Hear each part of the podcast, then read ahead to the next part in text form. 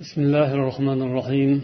إن الحمد لله نحمده ونستعينه ونستغفره ونعوذ بالله من شرور أنفسنا ومن سيئات أعمالنا. من يهده الله فلا مضل له ومن يضلل فلا هادي له. وأشهد أن لا إله إلا الله وحده لا شريك له. وأشهد أن محمدا عبده ورسوله. وبعد. عزيز برادر hurmatli opalar singillar assalomu alaykum va rahmatullohi va barakatuh. Axloq mavzusidagi bugungi suhbatimiz ham avvalda kelib to'xtagan mehribonlik mavzusidan davom etadi inshaalloh. Alloh taolo ar rahim ar rauf bo'lgan zot u zotning payg'ambarining ham sifatlari ar rahim ar rauf allohga banda bo'lgan muhammad sollallohu alayhi vasallamga ummat bo'lgan mo'min musulmonlardan ham talab qilinadigan sifatlardan biri mana shu rahmat sifati ya'ni mehribonlik sifati. Mehribonlikning bir qancha ko'rinishlari va bir qancha ismlari ham bor. Arab tilida yana al otif al hanan degan ta'riflar bilan keltiriladi. Bizning o'zbek tilimizda mehribonlik rahmdillik ko'ngilchanlik rahmu shafqat degan iboralar bilan bu tushunchani ifodalaymiz. Avval ham aytib o'tganimizdek mehribonlik tushunchasi hamma xalqlarda hamma dinlarda mavjud. Ammo buni biz musulmonlar qanday tushunamiz? Buni biz qanday qabul qilamiz va hayotimiz davomida qanday amal qilamiz? Bizga dinimiz islom o'rgatgan qur'on va hadislarda bu tushuncha keng targ'ib qilingan va mo'min musulmonlarning asosiy ko'rinib turadigan boshqalardan ajralib turishlariga sabab bo'ladigan hislatlardan biri mana shu mehribonlik sifati. Inson hayotida mehribonlik turli xil jabhalarda turli xil holatlarda o'z ifodasini topadi. Biz bular haqida avvalgi suhbatlarimizda qisqa qisqa aytib o'tdik. Bugun yana mana shu mavzuda gaplashamiz va bolalarga nisbatan bo'ladigan mehribonlik haqida alohida yana kengroq to'xtalamiz. Yana o'zaro munosabatlar atrof muhit bilan bo'ladigan insonning muomalasi uning qiladigan ishlari harakatlarida mana shu hislatni qanday aks etishini inshaalloh bir bir ko'rib o'tamiz. Naim qomusi mualliflari payg'ambar sollallohu alayhi vasallam hayotlaridan juda ko'p misollarni keltirishgan. Jumladan usamat ibn zayd roziyallohu anhudan rivoyat qilinadi u kishi aytadilarki كان رسول الله صلى الله عليه وسلم يأخذني فيقعدني على فخذه ويقعد الحسن بن علي على فخذه الآخر. ثم يضمهما ثم يقول اللهم ارحمهما فإني أرحمهما. رواه البخاري. usamat ibn zayd roziyallohu anhu aytadilar payg'ambar sollallohu alayhi vasallam meni olib bir sonlarga o'tkazardilar va hasan ibn alini ham olib ikkinchi sonlarga o'tkazib olardilar. Keyin har ikki go'dakni bag'rlariga bosib aytardilarki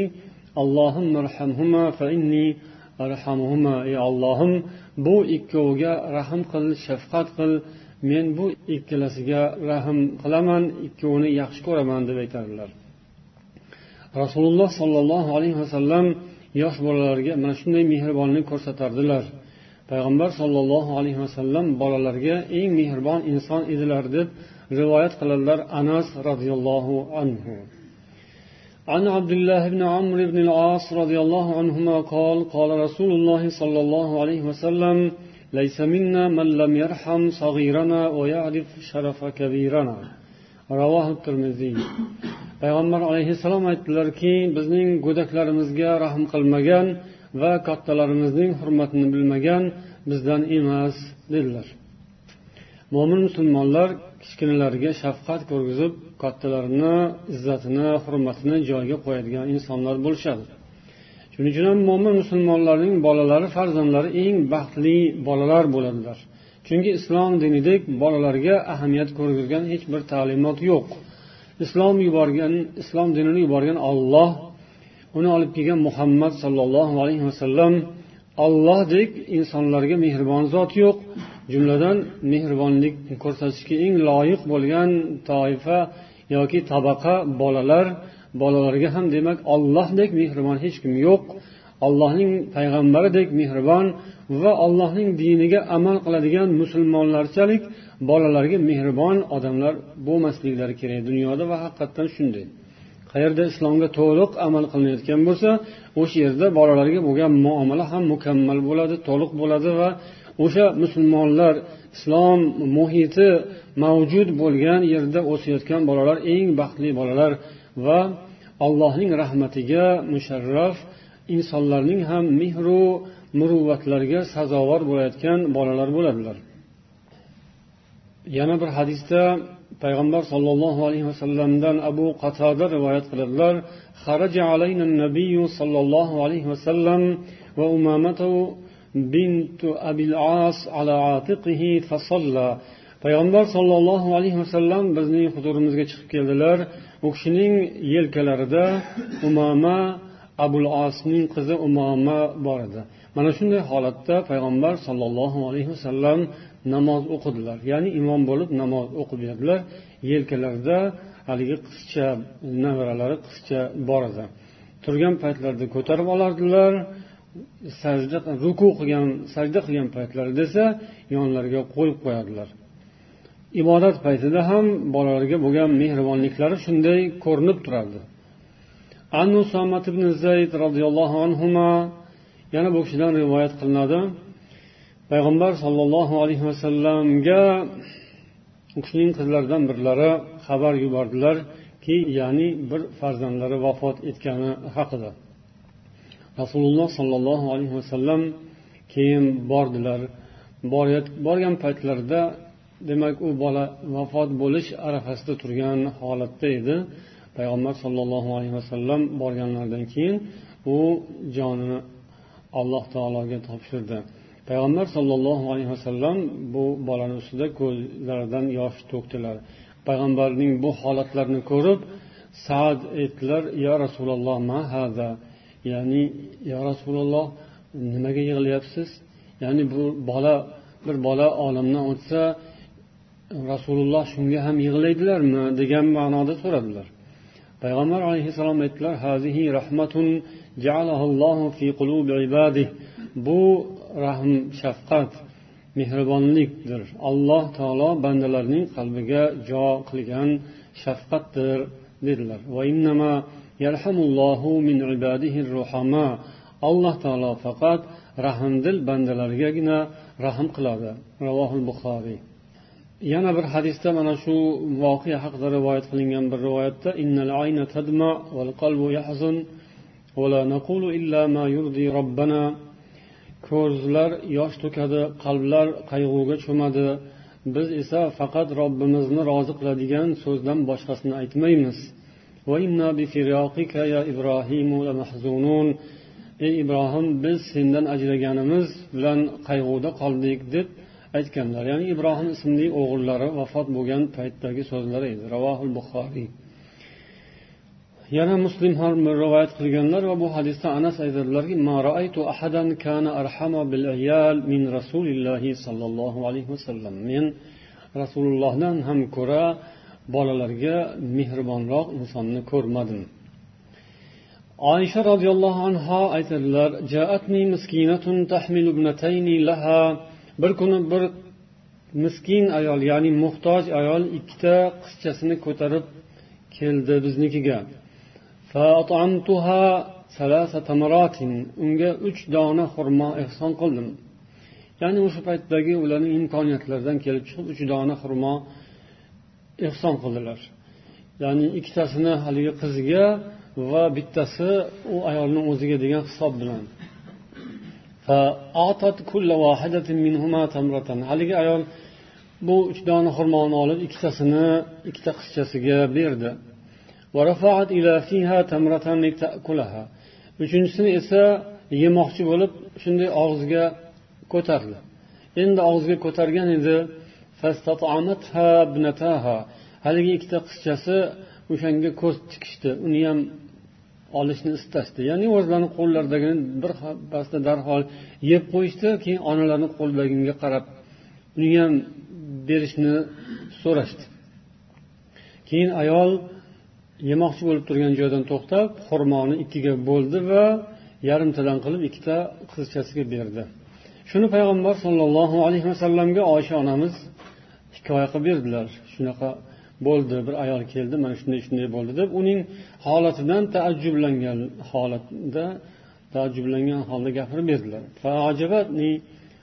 فأعجبني شأنها فذكرت الذي صنعت لرسول الله صلى الله عليه وسلم فقال إن الله قد أوجب لها بها الجنة وأعتقها بها من النار رواه مسلم alloh taolo ana shu qilgan ishi tufayli u ayolga jannatni vojib qildi va mana shu ishi tufayli uni olloh do'zax olovidan ozod qildi dedilar alloh taolo va uning rasuli islom dinimiz mehribonlikni rahmu shafqatni mana shunday yuksak darajada qadrlaydi ya'ni o'sha asosiy nuqta bu yerda yarim dona xurmoda bo'ldida agar o'sha ikki dona xurmoni ayol bolasiga yedirib uchinchisini o'zi yeganda ham bu berahm bo'lmasdi.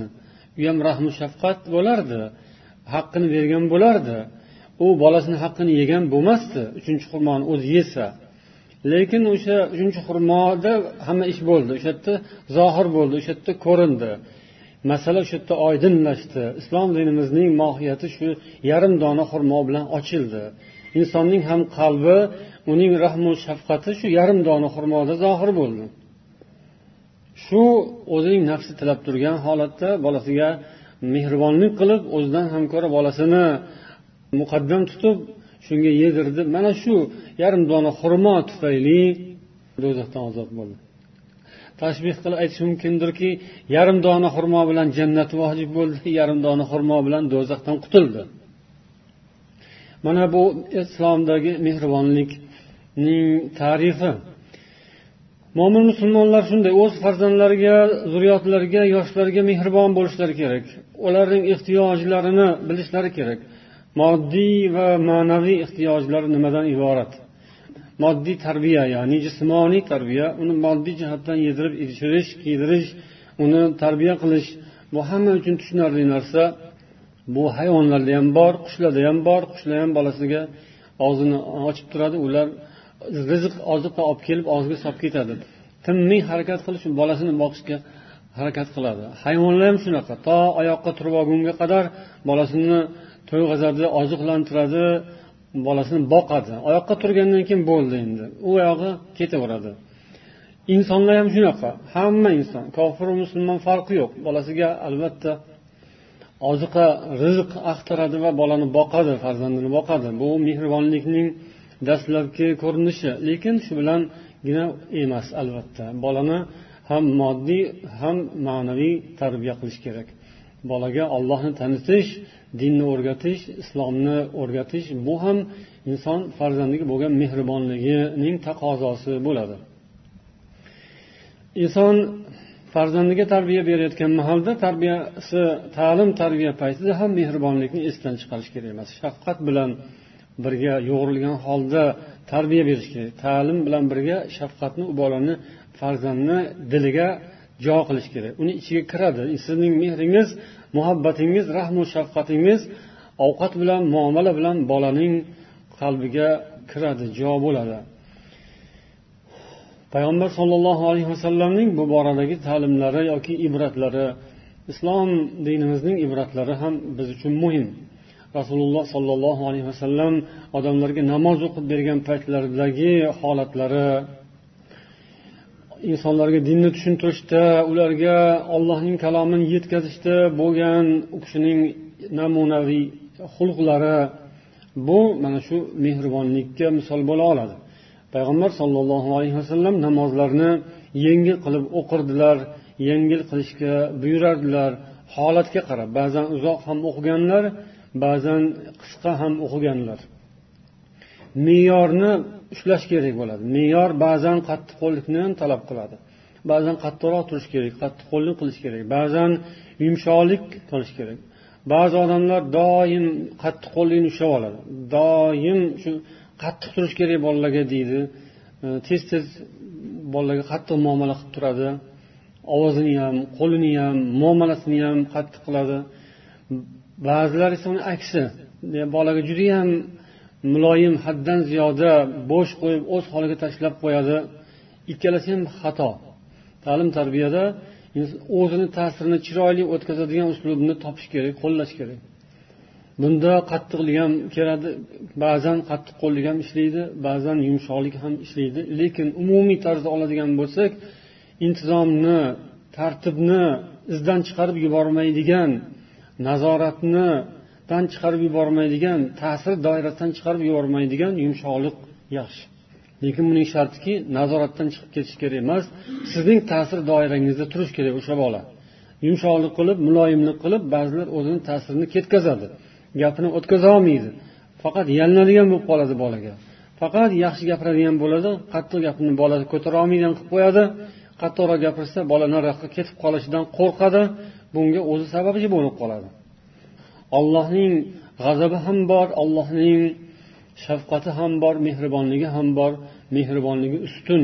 Shunday qilib ota ona o'zining bolasiga muomalada mehribonligi shafqati muloyimligi ustun bo'lishi kerak lekin chegaradan bola chiqib ketishi kerak emas nazoratdan chiqib ketishi kerak emas. Nazoratdan chiqadigan joyda boshqa choralarni qo'llaydi. Payg'ambar sollallohu alayhi vasallam aytadilar inni la aqumu fi salati uridu an utawwila fiha fa asma'a buka as-sabiy fa atajawwazu fi salati karahiyata an ashqa ala ummihi. Men namozga ba'zan turaman va namozni uzun qilib o'qishni istayman xohlayman. Shunda bir go'dakni yig'layotganini eshitib qolaman. Shuning uchun namozimni qisqa qilaman. Onasiga og'ir bo'lmasin deb. Ravol buxoriy va muslim. Namoz o'qiyotgan paytda yuqorida aytganimizdek namoz ham ta'lim tarbiya namoz ham ibodat ham tarbiya. Buni ham mana shunday me'yor bilan olib borish kerakligi ma'lum bo'ladi.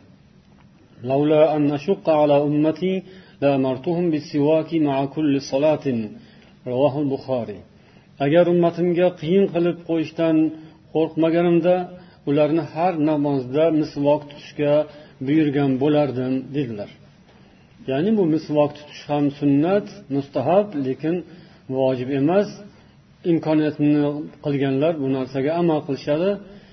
Bu yaxshi foydali lekin bu narsani doimiyga aylantirib qo'yish odamlar uchun mashaqqat tug'diradi. Yana bir hadisda an ala ummati ala annas ma takhallaftu an sariyatin man agar ummatimga qiyin qilib qo'yishdan qo'rqmaganimda biror bir sariyadan qolib ketmagan bo'lardim. Ya'ni sariya rasululloh o'zlari ishtirok qilmagan jo'natgan jangchilarning guruhi. Ularni jihodga jangga jo'natganlar o'zlari qo'shilmaganlar o'zlari qolganlar. Shuni sariya deyiladi. Biror bir sariyadan qolmagan bo'lardim agar ummatimga qiyin bo'lib qolmaganda qiyin qilib qo'ymaganimda dedilar. Bu o'rinda farzandlar kichkina bolalar va odamlarga bo'ladigan mehribonlik yengillik haqida gap ketdi. Endi hayvonot dunyosi haqida ham bir ikki og'iz so'z. Payg'ambar sollallohu alayhi vasallamdan biz o'tgan suhbatimizda degan hadislarni rivoyat qildik keltirdik ya'ni zikr qildik.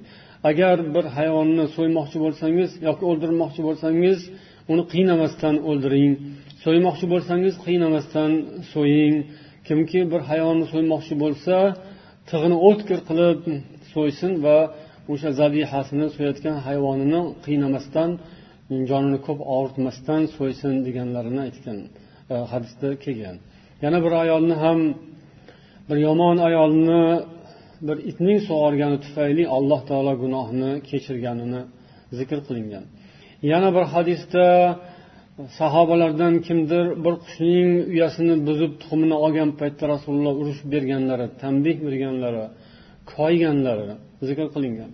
Yana bir rivoyatda esa chumolilarni iniga bir odam o't qo'yganini qoralab gapirganlari zikr qilingan. Hayvonlarga musulmonlarning munosabatlari mana shundan anglashiladi. Yana bir rivoyatda keladi buxoriy va muslim zikr qilganlar nabiy أن alayhi vasallam hayvonlarni nishonga qo'yib o'ldirishdan qaytardilar. Ya'ni tirik hayvonni qo'yib o'shanga qarab o'q otish o'ldirish harom. Hayvonni ham odamni ham. Odamni mumkin emas hayvonni ham mumkin emas. Bu islom dinimizning hayvonot dunyosiga umuman olamga bo'lgan munosabatini va mehribonlikning mohiyatlarini ifodalaydi. Yana bir rivoyatda keladi. Abdulloh ibn jafar roziyallohu anhu hikoya qiladilar. Bir kuni rasululloh sollallohu alayhi vasallam mani orqalariga mindirib ketayotgan edilar.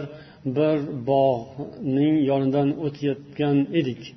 Shunda bir tuyaga ko'zlari tushdi. O'sha bog' ansoriylardan bo'lgan bir insonniki edi o'sha bog'ning egasining tuyasini ko'rdilar. Tuyaning ham ko'zi rasulullohga tushdi. Keyin tuya ingray boshladi tuyaning ko'zidan yosh oqdi. Sollallohu alayhi vasallam keyin rasululloh haligi tuyani oldiga kelib uni boshini yoyin ustini siladilar. Keyin tuya ingrashdan to'xtadi. Keyin payg'ambar sollallohu alayhi vasallam aytdilar man robbu hadal jamal liman hadal jamal bu tuyaning egasi kim? Bu tuya kimniki? deb so'radilar. Ansoriylardan bo'lgan bir yosh yigit keldi. Aytdiki yo rasululloh bu tuya maniki? dedi. Payg'ambar alayhissalom aytdilar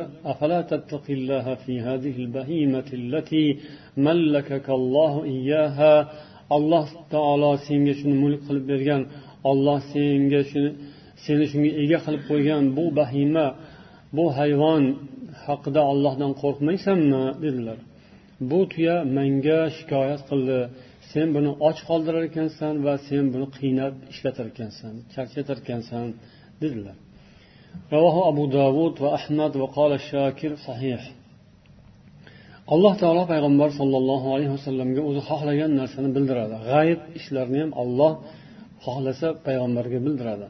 Xohlasa hayvonlarni tilini alloh taolo tushuntiradi bildiradi.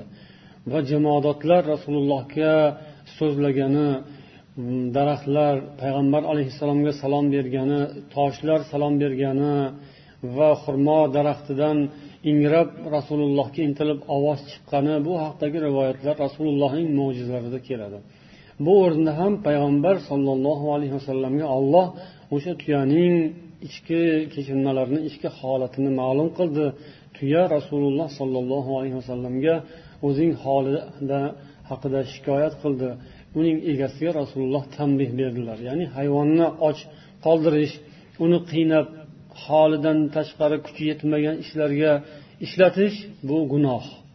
Hayvonni o'z vaqtida ovqatini bermasa och qoldirsa tashna qoldirsa yoki ustiga og'ir yuk ortsa u xoh eshak bo'lsin xoh ot hashir bo'lsin tuya bo'lsin bu hammasini o'zini me'yori bor o'zining haqqi bor. U hayvonlarni insonlar ustida haqqi bor hayvonni noo'rin urmaslik hayvonni og'ir ishlarda u toqat yetmagan ishlarda ishlatmaslik uning haqqi vaqtida ovqati suvni berib qarash uning haqqi shuni haqqini kimki bermasa gunohkor bo'ladi. Va u berahm toshbag'ir odamga o'tib qolishi mumkin va berahmlik toshbag'irlikning oqibati yomon bo'ladi. Olloh asrasin. Mo'min musulmonlar bir birlariga o'zaro shunday mehru shafqatli bo'lishlari bilan bir qatorda boshqa dindagilarga dinda bo'lmagan kofir kimsalarga nisbatan ham mehribonlik qoidasida muomala qilishlari lozim bo'ladi. Abu hurayra roziyallohu anhudan rivoyat. U kishi aytadilar qiyla ya rasululloh mushriklarning azobi uqubatlari kofirlarning dushmanligi haddan oshib ketgan paytda aytildi yo rasululloh udu alal mushrikin mushriklarning ustiga duoibat qilsangizchi deyishdi ya'ni toqatlari toq bo'lib ketganidan shu so'zni aytishdi قال إني لم أبعث لعانا وإنما بعثت رحمة رواه مسلم payg'ambar sollallohu alayhi vasallam aytdilarki man la'nat aytuvchi qarg'ish yog'diruvchi bo'lib yuborilgan emasman Men faqat rahmat bo'lib yuborilganman dedilar. Haligi taklifga bu javob bo'ldi. Ana shunday azob uqubat haddan ziyoda oshib ketgan paytda rasulullohga musulmonlar toqatlar toq bo'lib bu so'zni aytishgan. Ularning ustiga duoibat qilingdir. Payg'ambar alayhissalom mana shunday javob berdilar. Ya'ni so'zda ham tilda ham amalda va tilda ham inson qalbida bo'ladi bu rahmu shafqat. Rahmu shafqat albatta insonning dilida paydo bo'ladi. Bu qalbning amali mehribonlik yoki toshbag'irlik shuning uchun ham mana iboramiz ham to'g'ri tushadi o'zbek tilida yuragi tosh deydi.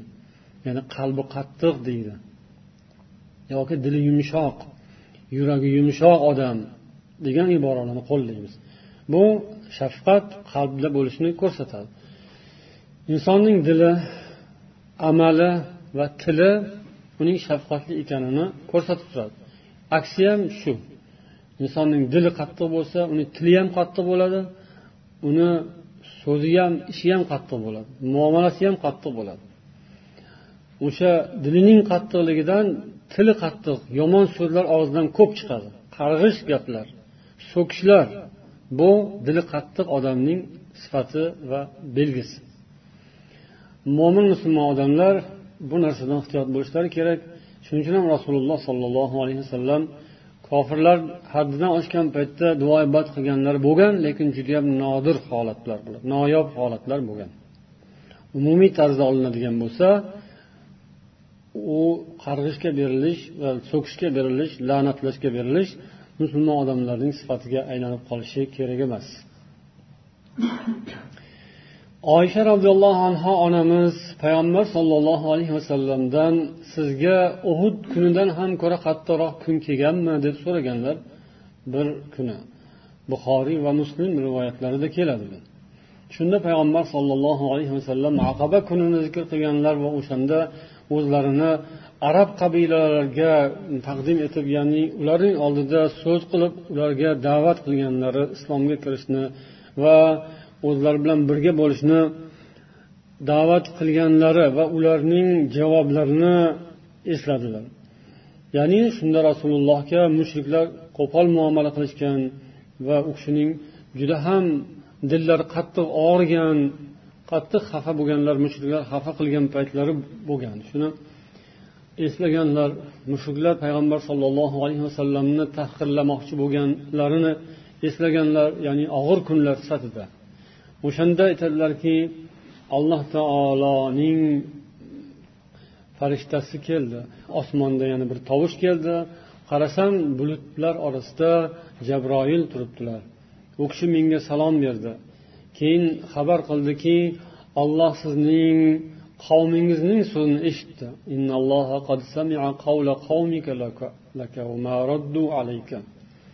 Sizga aytgan so'zlari va sizga qilgan raddiyalarni olloh eshitdi. Olloh sizga tog'lar farishtasini yubordi. Unga buyruq berishingiz mumkin. Xohlagan narsangizni buyurishingiz uchun tog'lar farishtasini yubordi dedi. Shunda tog'lar farishtasi ham hozir bo'lib salom berdi rasulullohga. Deydilar menga salom berdi. Keyin ya muhammad xohlaganingizni buyuring. Men sizning xizmatingizga muntazirman buyrug'ingizga muntazirman xizmatingizga tayyorman dedi tog'lar farishtasi.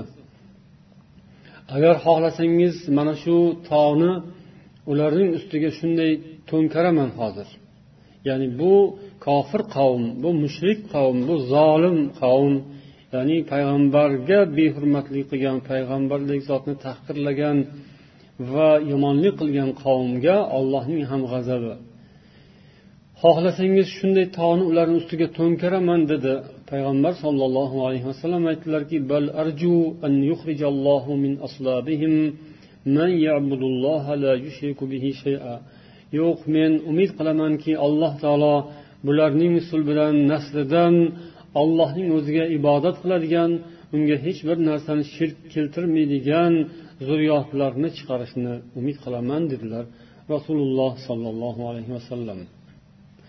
Va payg'ambar alayhissalomning bu shafqatlari mehribonliklarining samarasi o'zining mevasini ham bergan ya'ni uning natijalarini hamma biladi. Gapirmasangiz ham.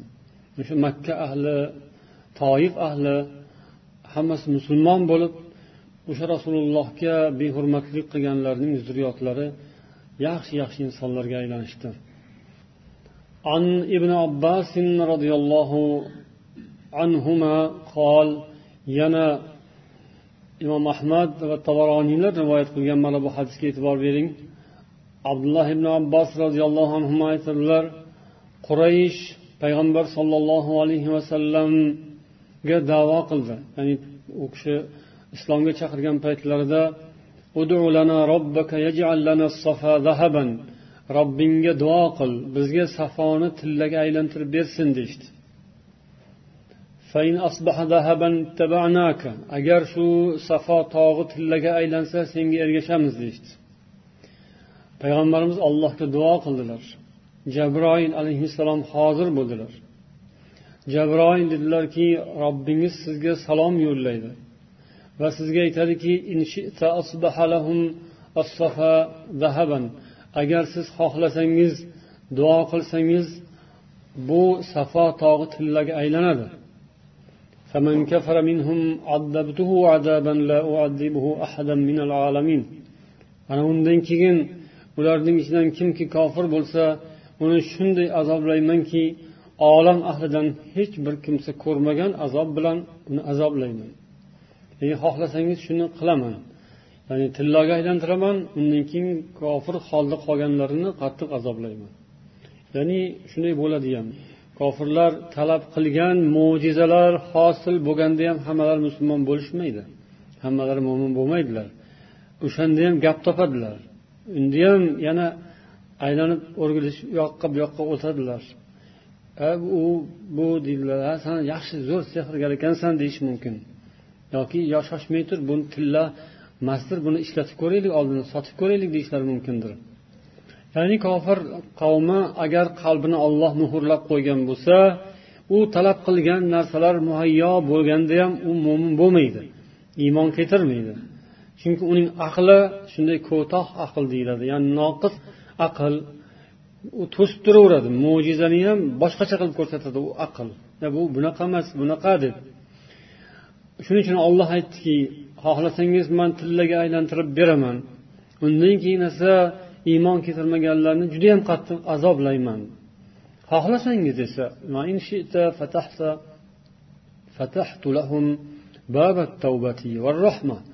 xohlasangiz ularga tavba va rahmat eshiklarini ochaman.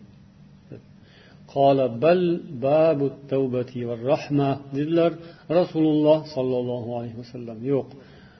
Menga ular uchun tavba va rahmat eshiklarini ochganing yaxshi dedilar. Va shunday bo'ldi. Alloh ularga tavba rahmat eshiklarini ochdi. Ya'ni ular olloh xohlaganlari olloh ularga baxt yozganlari musulmon bo'lishdi iymonga kelishdi. Bu rahmu shafqatning samarasi edi. Agar insonda shafqat bo'lmasa shafqat orqali keladigan yaxshiliklardan mahrum bo'ladi. Agar insonda mehribonlik shafqat bo'lsa dili yumshoq bo'lsa buning samarasini ko'radi. Shu shafqat bilan qo'lga kiriladigan kiritiladigan narsani qo'pollik bilan qattiqlik bilan toshbag'irlik bilan qo'lga kiritib bo'lmaydi. Misoli mana shu hadis to'g'rimi? Agar o'sha onda o'sha onda rasululloh qattiq qo'llik qilsalar ya'ni o'sha hissiyotga berilib alam inson alamda turgan bo'ladi achchiqda turgan bo'ladi. Ancha muncha odamga shu savol berilsa qanaqa javob beradi? Hm? Ancha muncha odam jahli chiqib g'azabi kelib turgan mahalda qo'liga bir narsa topolmaydida bir qo'liga tushgan narsani otadiku qo'liga nima kelsa. Piyola keladimi telefon keladimi magnitofon tushadimi laganmi kosami otadiku. O'shanda kattaroq narsa tushib qolsa nima qilarkin? Endi o'ylasa kerakku ammo odamiga ham qaraydida kimga otayotganiga ham qaraydi. Judayam yomon ko'rganiga bo'lsa kattaroq narsani ham otib yuboradi shu paytda. Shunaqangi holatda mm, tog'ni farishtasi uni oldiga kelib nima qilay hozir desa o'n marta to'nkar desa kerak. Astag'firulloh. Ba'zi odamlar lekin lekin iymon sohibi mo'min odamning aqli doim o'ziga hamroh bo'lib turadi. Faqat inson g'azabidan tushish uchun hovurdan tushish uchun qilishi mumkin bu narsani lekin bu musulmon odamning xislatiga to'g'ri kelmaydigan narsa. Rasululloh sollallohu alayhi vasallam yo'q men tavba va rahmat eshigini ochishingni istayman dedilar va o'sha eshiklar ochildi va uning samarasini mana hozir biz ko'ryapmiz biz o'sha rasulullohning shafqatlari aqlu zakovat sabru toqat bardosh va rahmu shafqat mehru muhabbat bilan qilgan ishlarining samarasini biz ham hozir ko'ryapmiz. Milliard musulmon shuni ko'ryapti. Shuni natijasi bilan islom dinimiz yetib keldi. Agar bunday mehribonlik bo'lmaganda rasulullohda u kishida bunday shafqat bo'lmaganda islom tarqalmas edi islom davom etmasdi. Chunki ko'p narsa kesilib kesilib yanchilib to'nkarilib to'nkarilib urilib surilib yenchilib o'sha yerda yo'q bo'lardi. Bugungi kundagi ancha muncha diktatorlarning fe'li bo'lganda yomon bo'lardi. Qancha qancha zolim podshohlar diktatorlar yoki qo'lida kuchi borlar harbiylar o'sha shafqatning yo'qligi uchun ezib yenchishni afzal biladi. Faqat kuch bilan biz yengamiz. Bularning tili faqat qurol. Bular bilan qurol tilida gaplashishimiz kerak. Deydi va o'zining g'oyasini kuch bilan o'tkazishga harakat qilaveradi va ular maqsadga yetmaydi. Chunki harbiy bo'ladimi madaniy bo'ladimi podshoh bo'ladimi oddiy odam bo'ladimi unda shafqat bo'lishi kerak. Keyin uning kuchi foyda beradi. Shafqati bo'lmagan kuch foyda bermaydi. Beshafqatlik bilan ishlatiladigan qurol hech qanday yaxshilikka olib kelmaydi. Faqat yomonlik olib keladi. Zulm nafrat adovat kekni tug'ib tashlab ketadi. O'nlab yuzlab minglab bola tashlab ketadi. Urug' tashlab ketadi. O'sha zulm ya'ni bir umrga ketadigan yomon urug'larni ekadi shular. O'ch olishni qasos olishni diliga tugadiganlar ko'p bo'ladida shu bilan yaxshilik emas faqat yomonlik keladi. Mehru shafqat o'z o'rnida aql bilan tadabbur bilan uzoqni ko'zlab o'ylab ko'rsatiladigan mehru shafqat inson uchun foyda beradi insoniyat uchun xizmat qiladi. Buning samarasi bu dunyoda ham va u oxiratda ham. Oxiratda u jannat bo'ladi.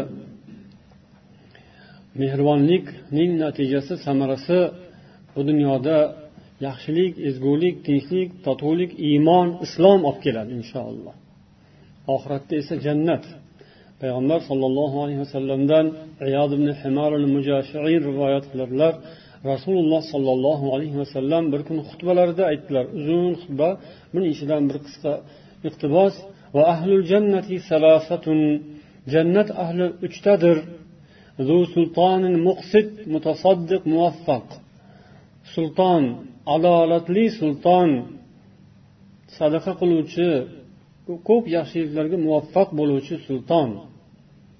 Odil qo'li ochiq saxovatli yuragi keng. Va bir insonki rahim mehribon raqiqul qalb dili yumshoq. Va muslim. Har bir qarindoshigayu musulmonga. Qarindoshga musulmonga ham barobar mehribon dili yumshoq odam. Va afifun mutaaffif bola chaqasi ko'p pokiza o'zining iffatini saqlagan oddiy odam. Farzandi bola chaqasi ko'p degani mehnatkash degani. Halol mehnat qilib ishlab pul topib bola chaqasini boqadi o'zini pokiza saqlaydi iffatini saqlaydi obro'sini ketkazmaydi bola chaqa boqaman deb. Olloh ko'rsatgan yo'ldan sabr qilib boradi. Shular jannati bo'ladi. Rahim rahiqul qalb. Kimning dili yumshoq bo'lsa u jannati. Rohimlar ya'ni rahmdil kishilarga rahmon rahm qiladi. Irhamu ahlal ardi yarhamkum man fis sama. Yer ahliga rahm qilingiz osmondagi zot sizga rahm qiladi. Ravohi abu davud payg'ambar sollallohu alayhi vasallamning bu nasihatlari. Ya'ni rahm kerak bo'lsa rahm qilinglar. Rahmsiz odam toshbag'ir odam rahm ko'rmaydi. O'zi ekkan urug'ini oladi degan berahmlik qilib toshbag'irlik qilib qattiq qo'llik qilib boraveradi boraveradi o'ziga yig'averadi yig'averadi. Oxiri bir kun hammasini to'plab bitta qilib oladi javobini. Rahmdil odam mehribonlik qilaveradi qilaveradi u ham o'ziga inshaalloh yaxshi mukofotni oladi. Ollohning jannatiga nima bilan kiriladi? Nima bilan kiriladi? Allohning jannatiga allohning rahmati bilan kiriladi. Amal bilan emas deyishdi. Oysha roziyallohu anhodan rivoyat muslim va buxoriyda keladi bu hadis. Qola rasululloh sollallohu alayhi vasallam سددوا وقاربوا وأبشروا فإنه لا يدخل أحدا الجنة عمله to'g'ri yo'lda bo'linglar haqqa yaqin bo'linglar doim haqqa intilinglar o'rta yo'lda bo'linglar va xushxabar suyunch xabari sizlar uchun xursand bo'linglar bilingizki hech bir odamning amali uni jannatga kiritmaydi ya rasululloh ey rasululloh sizni hammi deb so'rashdi sahobalar. Qola vala ana men ham hech kim amali bilan jannatga kirmaydi. Subhanalloh. Illa an va rahma illo olloh meni mag'firati va rahmati bilan o'rashi bilan jannatga kiraman. Hamma musulmon shu. Hech kim amali bilan jannatga kirmaydi. Amali jannatga yetmaydi. Jannat qimmat. Bebaho. Amalingiz esa sanoqli oz. Umringiz sanoqli bo'lsa jannatdagi hayot sanoqlimi? Bu dunyoda necha yil sakson yil uzoq bo'lsa to'qson yil yoki berisi jannatda necha yil? Jannatda sakson ming yil emas sakson million yil emas. U behisob benihoya abadiy. Abadiy joyda yashash uchun sakson yillik ibodatingiz yetadimi? Yetmaydi. Qilgan ibodatingiz tufayli jannatga kira olmaysiz. Jannatga bu ibodatning qadri yetmaydi.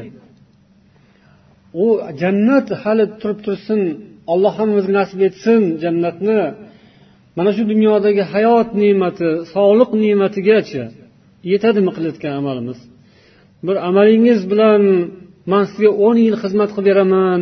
Bitta qo'lingizni manga berasizmi yoki ketayotgan paytingizda buyragingizni tashlab ketasizmi yoki yuragingizni bir chetini kerak bo'lib qolganda berasizmi? Man sizga o'n yil xizmat yo'q yigirma yil yo'q. Qanchaga kim ko'nadi? Yo'q bu yoki bir ko'zingizni bir hozirgi zamonda yaxshi operatsiya qiladiganlar chiqqan og'ritmasdan oladiganlar chiqqan ko'zingizni og'ritmasdan bittasini shunday olib birovga bersangiz u sizga falon falon falon bersa kim rozi bo'ladi? Hech kim. Oddiy bir tana a'zosini bahosi yo'q. Bu narsalar ya'ni insonning dunyodagi hayotining narxi qancha turadi? Bu narsa bu ishlar inson amali bilan qilayotgan amali bilan allohning huzurida jannatga kira olmasligi. Rasululloh sollallohu alayhi vasallamning hadislari bu nimani ko'rsatadi. Hech kim amaliga mag'rur bo'lmasin. Hech kim man faloncha namoz o'qidim pistoncha qur'on o'qidim mana buncha ro'za tutdim mana buncha ehson qildim deb mag'rur bo'lmasinga boradi.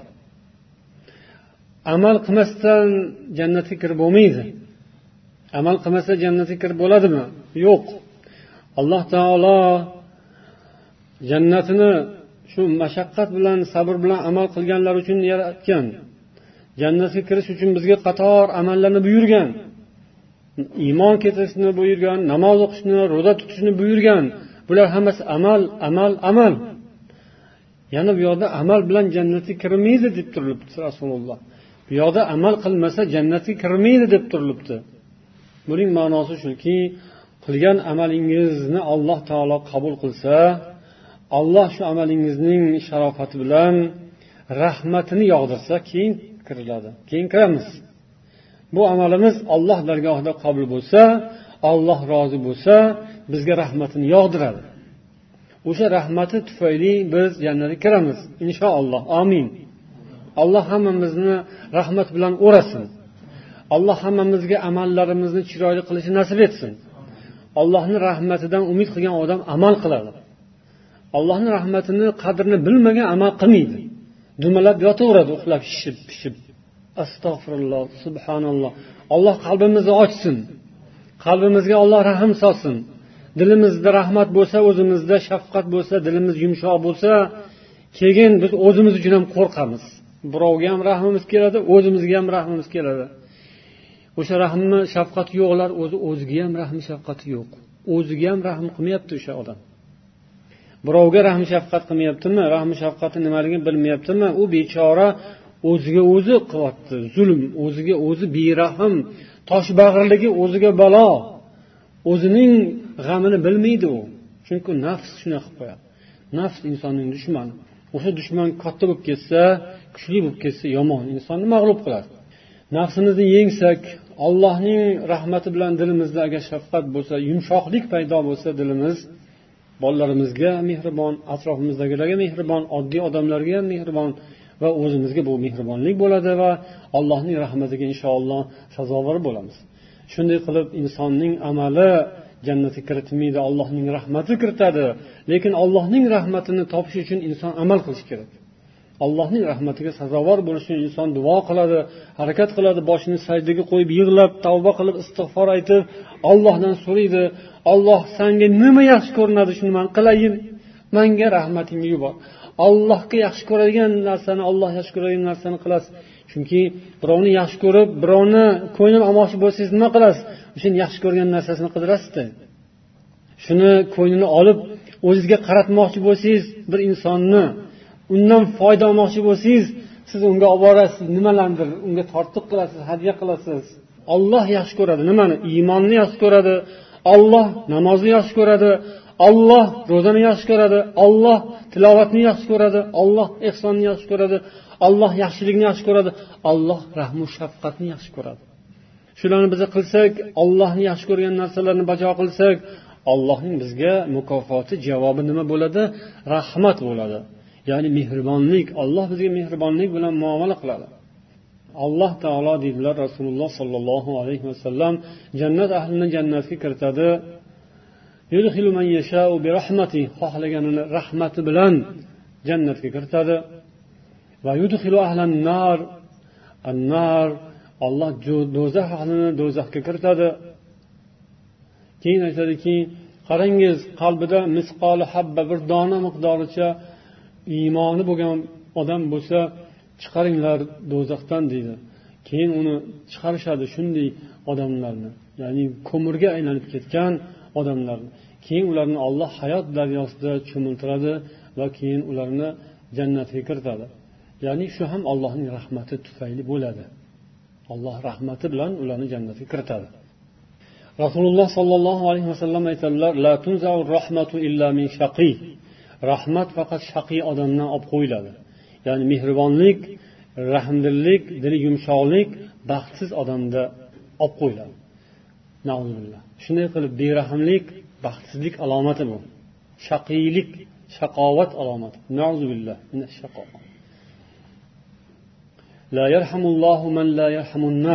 Odamlarga mehribon bo'lmaganlarga olloh mehribon bo'lmaydi.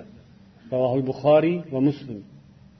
yana bir hadisda keladi buni ham buxoriy muslim rivoyat qilishgan abu hurayra roziyallohu anhu aytadilar do'zax bilan jannat hujjat talashishdi talashib qolishdi bir birlari bilan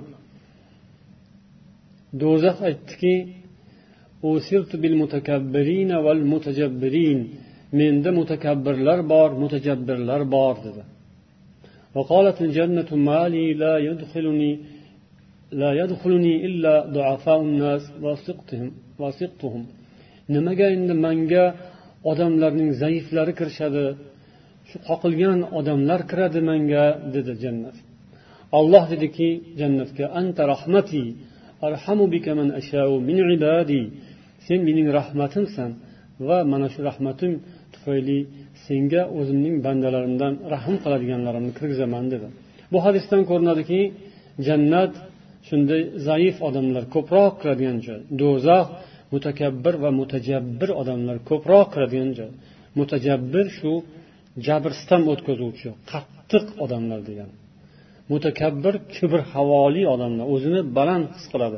Boshqalarni hammadan o'zini ustun ko'radigan kibrli odam do'zaxga boradi. Kibr bilan zulm bitta yonma yon kimning dilida qattiqlik bo'lsa o'shanda kibr ham bor. Qarang. Qattiq zulm qiladigan qattiq qo'l badjahl yoki berahm toshbag'ir kimsa bor. Qarasangiz o'shanda ikkinchi narsa ham bor. Nima? Kibr ham bor. Chunki uncha muncha odam nasihatni olmaydi u.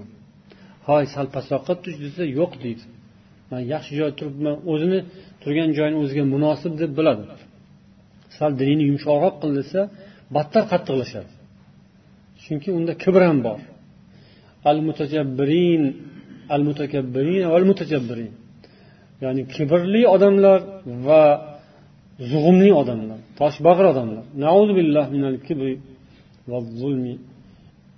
Allohning rahmati jannati allohning do'zaxiga esa ana shunday mutakabbir odamlar kiradigan yomon joy. Alloh panoh bersin. Yana rasululloh sollallohu alayhi vasallamdan nu'man bashir rivoyat qiladilar. Kimki ozga shukur qilmasa ko'pga ham shukur qilmaydi. Odamlarga tashakkur aytishni bilmasa ya'ni odamlarning yaxshiligini bilmasa ollohning ham yaxshiligini bilmaydi. Allohning ne'matlarini zikr qilib gapirish shukur bo'ladi. Kufr uni tark qilish kufr bo'ladi. Jamoat rahmatdir. ajralish esa azobdir. Ravohu ahmad.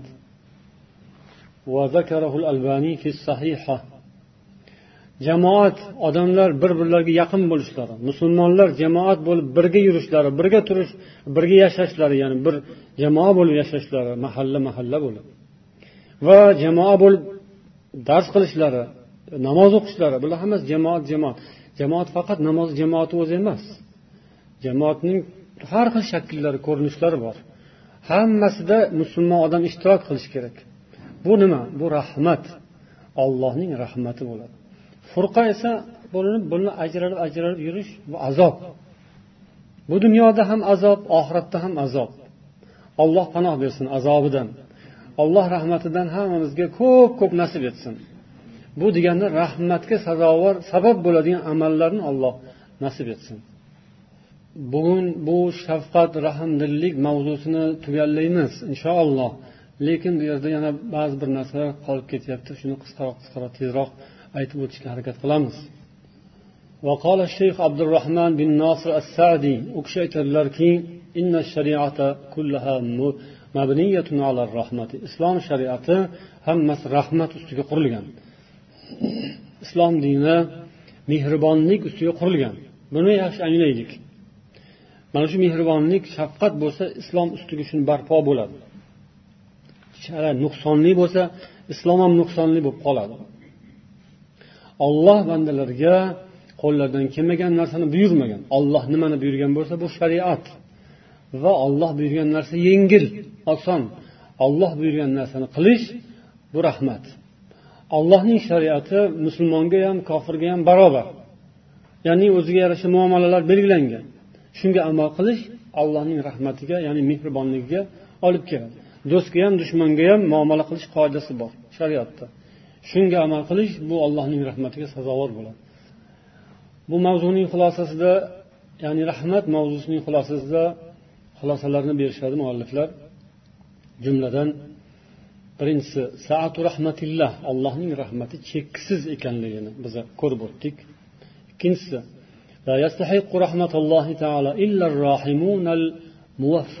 allohning rahmatiga faqat rahmdil odamlar musharraf bo'ladilar.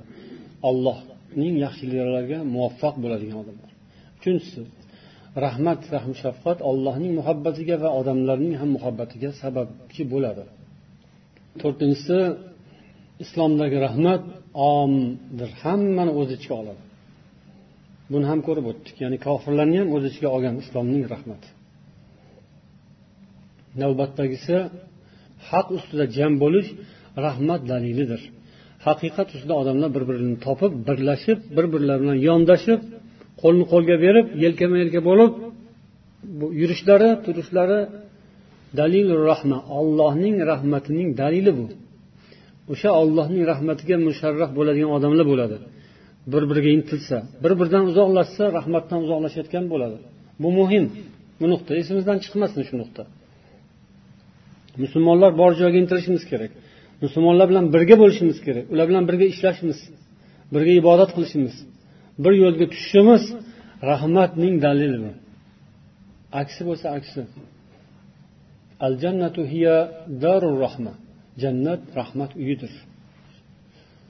Alloh nasib etsin hammamizga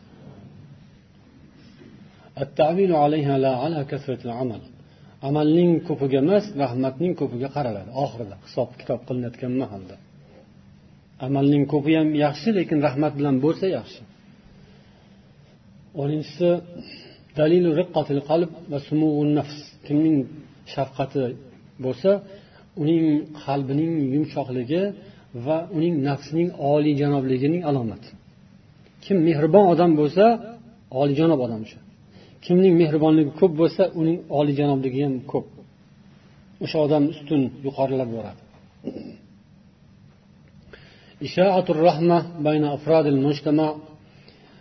Jamiyat orasidagi odamlarning dillaridagi rahmat shafqat o'sha jamiyatning darajasini ko'taradi. O'sha jamoat ma'naviy oliyjanob jamiyat bo'ladi.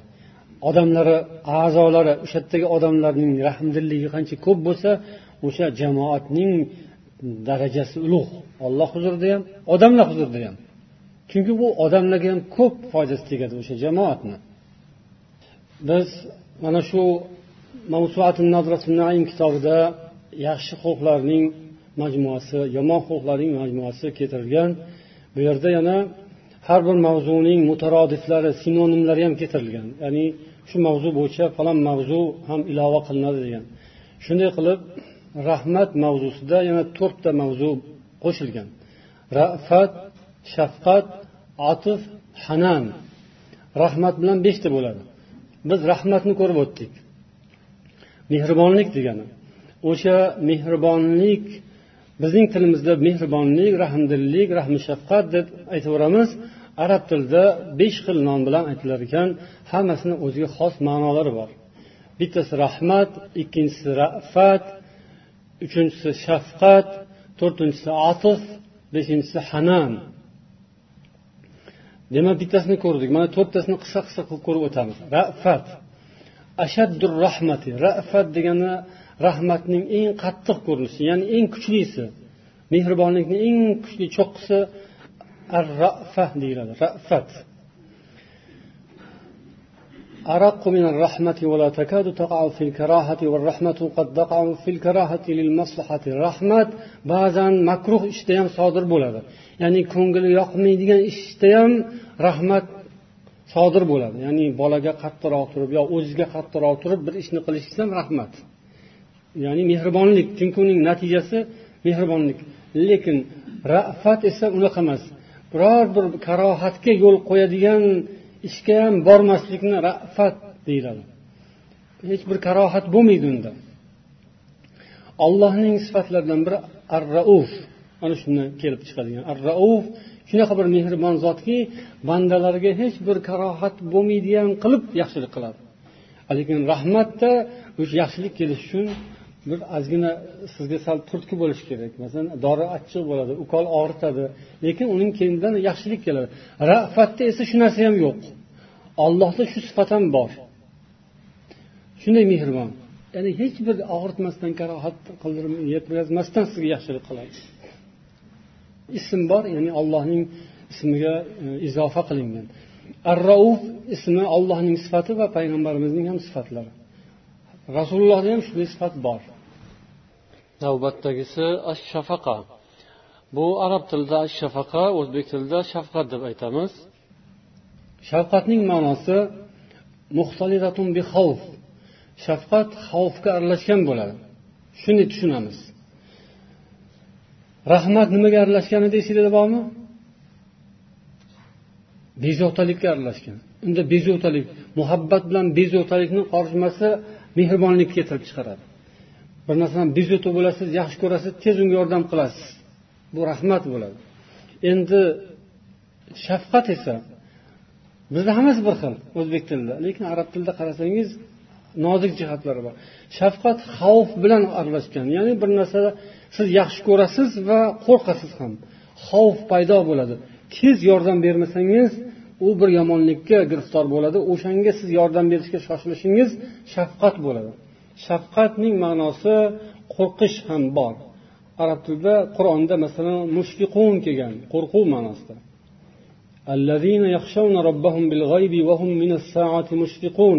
Shunday zotlarki robbilaridan g'aybda turib ko'rmasdan qo'rqadilar. Ular qiyomatdan qo'rquvda turadilar. Mushfiqun qo'rquvda turadigan odamlar qiyomatdan. Shafqatda demak nima ma'no bor ekan? Qo'rquv. Ya'ni shu ishni qilmasang qilmasam tez bolangizga yordam bermasangiz kasal bo'lib qolsa unda nimadir korhol bo'lib qolishdan qo'rqasiz. Shunchaki bir e, kasal bo'lib qolsa bir qo'rqmasangiz ham lekin sizda bezovtalik bo'ladi. Unga yordam qilishingiz bu rahmat. Lekin kasali zo'rayib ketib qoladigan bo'lsa qo'rquv bilan harakat qilishingiz bu shafqat. Ya'ni qo'rquv bilan birga qo'shilgan muhabbat. Unisi bezovtalik bilan aralashgan muhabbat.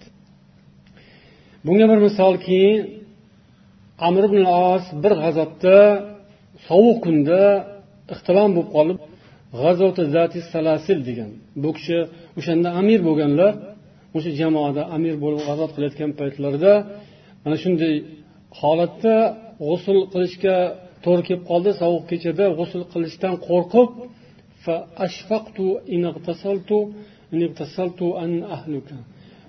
agar g'usul qilsam halok bo'lib o'lib qolaman deb qo'rqib tayammum qilib namoz o'qiganlar keyin buni payg'ambar sollallohu alayhi vasallamga xabarini berishdi ya'ni junub holatda bizga iymon bo'lib berdi bu deb rasululloh nimaga junub holatda iymon bo'lding deb so'raganlarida sovuq edi olloh qur'onda aytgan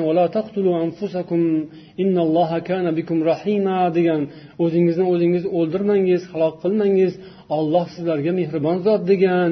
Shuning uchun man o'zim o'zim yomonlik qilmasdan qo'rqib g'usul qilmasdan tayammum qilib namoz o'qidim deganlarida rasululloh sollallohu alayhi vasallam rasululloh tabassum qildilar bir kulib qo'ydilar xolos hech narsa demadilar.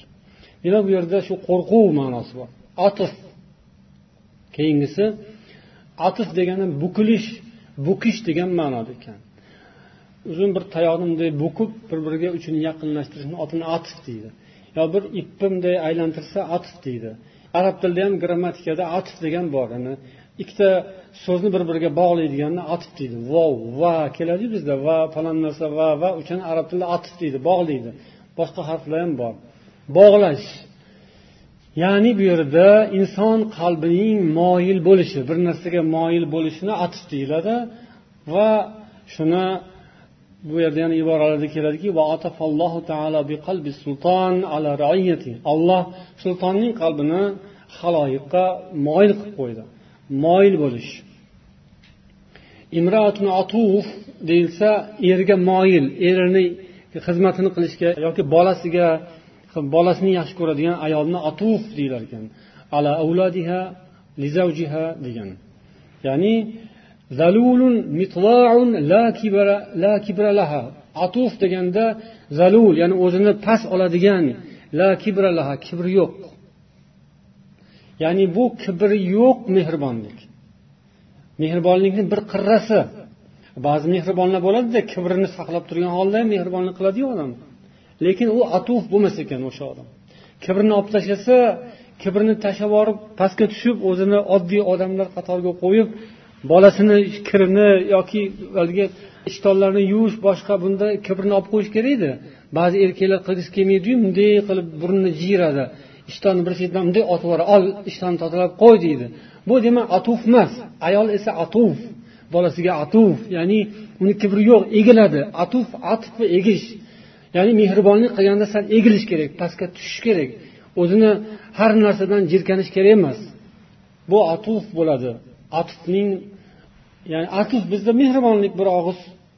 Atf ham hanan ham rafat ham rahmat ham shafqat ham hammasini o'zbeklar bitta qilib mehribonlik deb qo'yadi. Yana qo'shimchasi bo'lsa shafqat mehribonlik rahmdillik ko'ngilchanlik deymizku. Lekin mana bunaqa nozik jihatlarini demak agar o'zining iborasidan qarasak anglaymiz. Yana atfning ma'nolarida keladi. Ibn abi jamraning tariflari atifda odamlar bir birlariga yordam berishlari ham atif bo'ladi. Deb rasululloh hadislarida keladi. Insonlar bir biriga yordam berishda shunaqa kibrni olib tashlab turib yordam bersalar ular o'sha mehribonlikni bajo qilgan bo'ladilar. Hanan. Bu hanna yahinnu fe'lidan olingan. Tadullu alal ishfoq va riqqa bu ham ishfoq va qo'rquv va rahmdillik ko'ngilchanlik og'riq bilan ovoz chiqarish. Bunda qo'shimchasi ovoz. Ya'ni hanna yahinnu degani tuyani bolasini qidirab ingrashi ovoz chiqarishini hanan deyilar ekan yoki payg'ambar sollallohu alayhi vasallam avvalda xutbalarni o'qiganda suyanib turadigan xurmo daraxtining tanasidan ovoz chiqqan. Ya'ni yangi minbar yasalganda rasululloh avvaldagi o'rinlardan uzoqlashganlaridan keyin o'sha yerda turgan qurigan xurmo daraxtining tanasidan ovoz chiqqan. Ingragan ovoz chiqqan. Hanan deganda mana shu ma'no bor ekan. Ya'ni bir narsaga oshiqish bir narsani yaxshi ko'rish unga bo'lgan muhabbati intilishi qidirishi degan ma'noni bildiradi. Mehribonlik shu ma'nodagi ya'ni bolasini qidirsa ayol kishi yoki tuya bolasini qidirganda mana shu hanan kalimasi ishlatiladi. Hanna yahinnu hananan. Mehribonlik. Va ya'ni siz mm, kimgadir yordam qilmoqchi bo'lsangiz gapirasiz ovozni chiqarasiz. Endi u yerda yig'lab ingrab bo'lsa endi boshqacharoq ko'rinishi demak gapirib so'zlab bir e, yordamga muhtoj insonlarga yordam uyushtirish tashkil qilish ma'nolariga bog'lasak bo'ladi allohu alam. Buning natijasida ya'ni xulosasida favoidul hanan zikr qilishadiki bu inson ollohga yaqin bo'lib olloh uning diliga rahmat solganining mevasi bo'ladi hanan. yana tariqun muvassil ila muhabbatillah allohning muhabbatiga yetkazadi baynal qulub odamlar qalblarini bir biriga jam qiladi sifatun min sifatil anbiya bu hanon ya'ni mana shu e, mehribonlik payg'ambarlardagi sifatlardan biri يرقق القلب فيجعله يرحم من هو دونه من البهائم والطيور وغيرها kimdaki mana shu hanon ya'ni shu mehribonlik bo'ladigan bo'lsa uning qalbi yumshoq bo'ladi va o'zining atrofidagilarga o'zidan past quyida quyi darajadagi insonlarga ham yoki hayvonotga ham yoki qushlarga ham undan boshqalarga ham mehribon bo'ladi. Yana al hannan ollohning ismlaridan biri. Ollohning ismlaridan biri ekan. Hanan oyatda ham keladi bizdan mehribonlik biz o'zimizdan mehribonlik ko'rsatib ularga yaxshilik qildik degan ma'nodagi oyatda alloh hanan kalimasini ishlatgan va allohning ismlaridan biri al hannan ya'ni alloh taoloda mavjud bo'lgan sifatlardan biri ekan va bu payg'ambarlarda ham va yaxshi odamlarda ham alloh barchamizga mana shunday sifatlarni nasib etsin va buning natijasi o'laroq bu dunyoda ham oxiratda ham baxtli saodatli bo'lishimizga alloh o'zi muyassar aylasin سبحانك اللهم وبحمدك أشهد أن لا إله إلا أنت أستغفرك وأتوب إليك. والسلام عليكم ورحمة الله وبركاته.